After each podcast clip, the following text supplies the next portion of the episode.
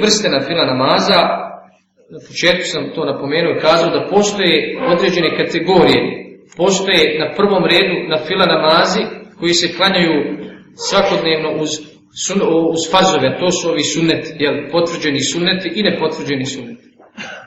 I oni su, kako kažu islamski učenjaci, od posebnog značaja, jer je i poslanik Ali Salat Vosana većinu tih jel, suneta ili na fila obavljao redovno, redovno obavljao, pa čak neki na putovanju, kao što sam rekao, za sabarske sunete i za vitr namaz. Imamo druge namaze koji su od posebne važnosti, a koje većina muslimana zapostavlja zbog toga što, što im nisu poznati, što ne znaju za te na fila namaze, ili zbog toga što nemaju, jeli, ovaj, ne obavljaju zbog toga što nemaju naviku ili nemaju praksu. Na prvom redu to je noćni namaz. Noćni namaz je na prvom redu i to je namaz koji, za koji poslanik Ali Salatu Veselam kaže da je nakon jeli, farzova najvrijedniji namaz, noćni namaz, odnosno da je od svih napila najvrijedniji noćni namaz. Zašto je noćni namaz najvrijedniji? Najvrijedniji iz razloga što ga obavljamo u vrijeme odmora, vrijeme kada ljudi odmaraju i spavaju, kada su umorni, u vrijeme kada većina svijeta spava, jer znamo da je noćni namaz najbolje obavljati u zadnjoj trećini noći. I ono dijelo za koje treba posebna žrtva, odricanje, to je dijelo najvrednije. Lako je klanjati namaz koji svi klanjaju. Da kažem uslovno, jer lako je klanjati taj namaz svi klanjaju džumu, pa klanja i mi klanjamo. Svi klanjaju podne i kintiju jačan, pa i mi klanjamo. Sabah, ili ne klanjaju baš svi, jer mislim na rani sabah, ili dolaze u džamiju zato što za taj namaz treba više odricanja. A sada ne govorimo o noćnom namazu.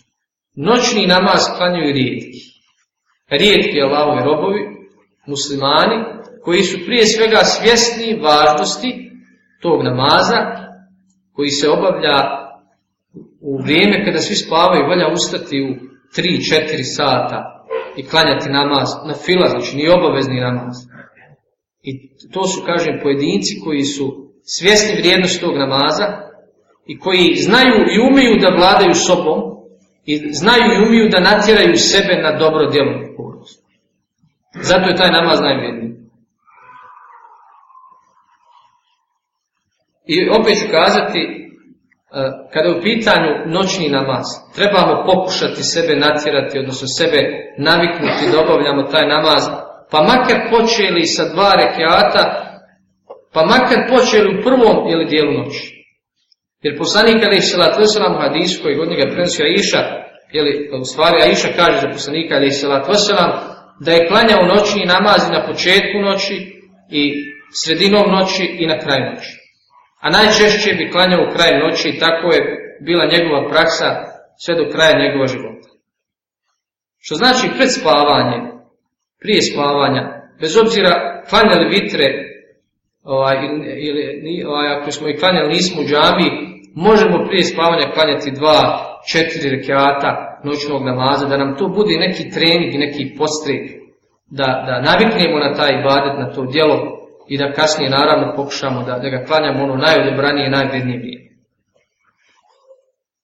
Pored noćnog namaza imamo duha namaz koji je isto značajan. Duha namaz je isto potvrđeni sunet Allahog poslanika alaihi salatu wasalam i poslanik ga je preporučio jashabima a posebno ga je preporučio Ebu Hureyri radijallahu anhu, pa kaže, prenosi se od Ebu Hureyri da je rekao, moj najbolji prijatelj Halili, jer Eusani Halili, sallallahu alaihi ve sellem, oporučio mi je tri stvari, da ih do smrti ne ostavim, to je dok sam živ da ih ne ostavim.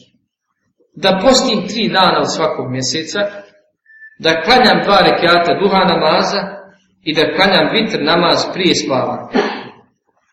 U ovom hadisu se spominju dva rekiata duha namaza i to je namaz koji se klanja koji je vama poznat, vjerovatno, klanja se nakon izlaska sunca od prilike kada sunce malo odskoči od horizonta 15-20 minuta pa do predpodne. Može se klanjati jeli, od 2 pa do 8 rekiata jeli, prema ispravnijim mišljenju islamskih učenjaka i to je posebno vrijedna namaz a u vrijednosti duha namaza govori mnogi hadis ja ću spomenuti samo neke jeli, kaže prenosi Aisha radijallahu anha da je vjerovisnik sallallahu sallam rekao svako jutro, svako od vas dužan je dati sadaku na svoj zglob. Na svoj zglob, na svome tijelu, jeli? Svako subhanallah je sadaka, svako alhamdulillah je sadaka. Svako la ilaha illallah je sadaka, svako Allahu ekber je sadaka. Naređivanje dobra i zabranjivanje zla je sadaka. Umjesto svega toga dovoljno je klanjati dva rekiata duha na namazan. Znači šta je namaz klanjamo isto kao jedan vid zahvali na zglobovima kojima, koje, koje nam je Allah Đelešanu upodario. A i to je blagodat. Jer zato znaju samo oni ljudi koji ovaj su slomili recimo određene dijelove svoga tijela, ne daj Bože kičmu, ruke, noge, ili koji ne mogu pomjerati nogu ili ruku u koljenima, u zglobovima, oni znaju vrijednost ovaj, tih, te blagodati, tih zglobova koje nam je Allah Đelešanu dao, pa možemo svoj ruk savijeti onako kako želimo i možemo sa njom raditi ono za što imamo potrebu. Isto tako kaže poslanik alaihi salatu wasalam, Uzvišeni Allah je rekao, o sine Ademu, nemoj da te prođu četiri rekiata na početku dana, pa ću ti biti dovoljna zaštita do njegova kraja. Kažu islamski učenjaci da se ovdje misli ovaj, na duha namaz, dok neki kažu, kao što imam temije, da se misli to na sabarske sunete i na farze. Ali većina islamski učenjaka smatra da se misli na duha namaz. To su sve ovaj, ibadeti, to su dijela koja nam ne treba puno vremena niti puno odricanja. Dovoljno je uzeti abdest i naći vremena 5-10 minuta i klanjati taj duha namaz koji je kako značajni bitan. Pored duha namaza imamo jeli, tehijetul mesčid, namaz koji se klanja prilikom ulaska u džamiju, kao pozdrav džamiji. Imamo namaz e, nakon uzimanja abdesta. Kad god uzmemo abdest, iz različitih povoda možemo klanjati ovaj, dva rekiata na file namaza i to je posebno vrijedan namaz. Nemamo vremena da govorimo svim tim na filama u njihovoj vrijednosti. Imamo uh, na filu, imamo istiharu namaz koji isto na fila. Namaz koji klanjamo ako u životu hoćemo donijeti neku odluku, a ne znamo je li dobra, dobro za nas u tome ili nije. I onda klanjamo dva rekiata, poslije toga proučimo dovu, istihare dovu i Allahu prepustimo svoj slučaj da nam on dadne ono što je dobro za nas. I to je ispravno razumijevanje istihari. Znači, klanjamo i Allahu prepustimo slučaj, jer tako je stoji u dobi, da tražimo od Allaha da nam on dadne hajr, to je da nam dadne to što želimo, ako je u tome hajr za naš dunjaluk i za naš hirt. Ako nije u tome hajr da nam to, jeli, ovaj, da nam to ne odredi, da nas to mimo iđe i da nam dadne ono što je bolje za nas. Isto imamo salatu teuba, namaza, prilikom pokajanja, dva rekiata namaza, prilikom pokajanja zbog jednog ili više griha. I to je namaz koji je na fila, lijepo je klanjati, mada se možemo pokajati i bez namaza, ali kažu islamski učenjaci ovaj, da je lijepo klanjati, to se bliže hadisu, je vjerodostojno, da je lijepo klanjati dva rekiata i nakon toga se Allahu iskreno pokaja.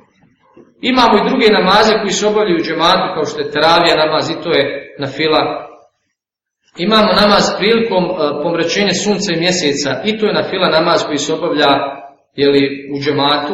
Imamo isto e, namaz za kišu koji je nažalost u novim prostorima ovaj, slabo poznat. A poslani kada je sada to se nam je shabi su to stano prakticirali namaz za kišu. Klanja se jeli, dva rekata. Ali nemamo, kažem, vremena niti priliku da pojedinačno govorimo o svakom ovom namazu. Ja hoću samo da nas na kraju podsjetim na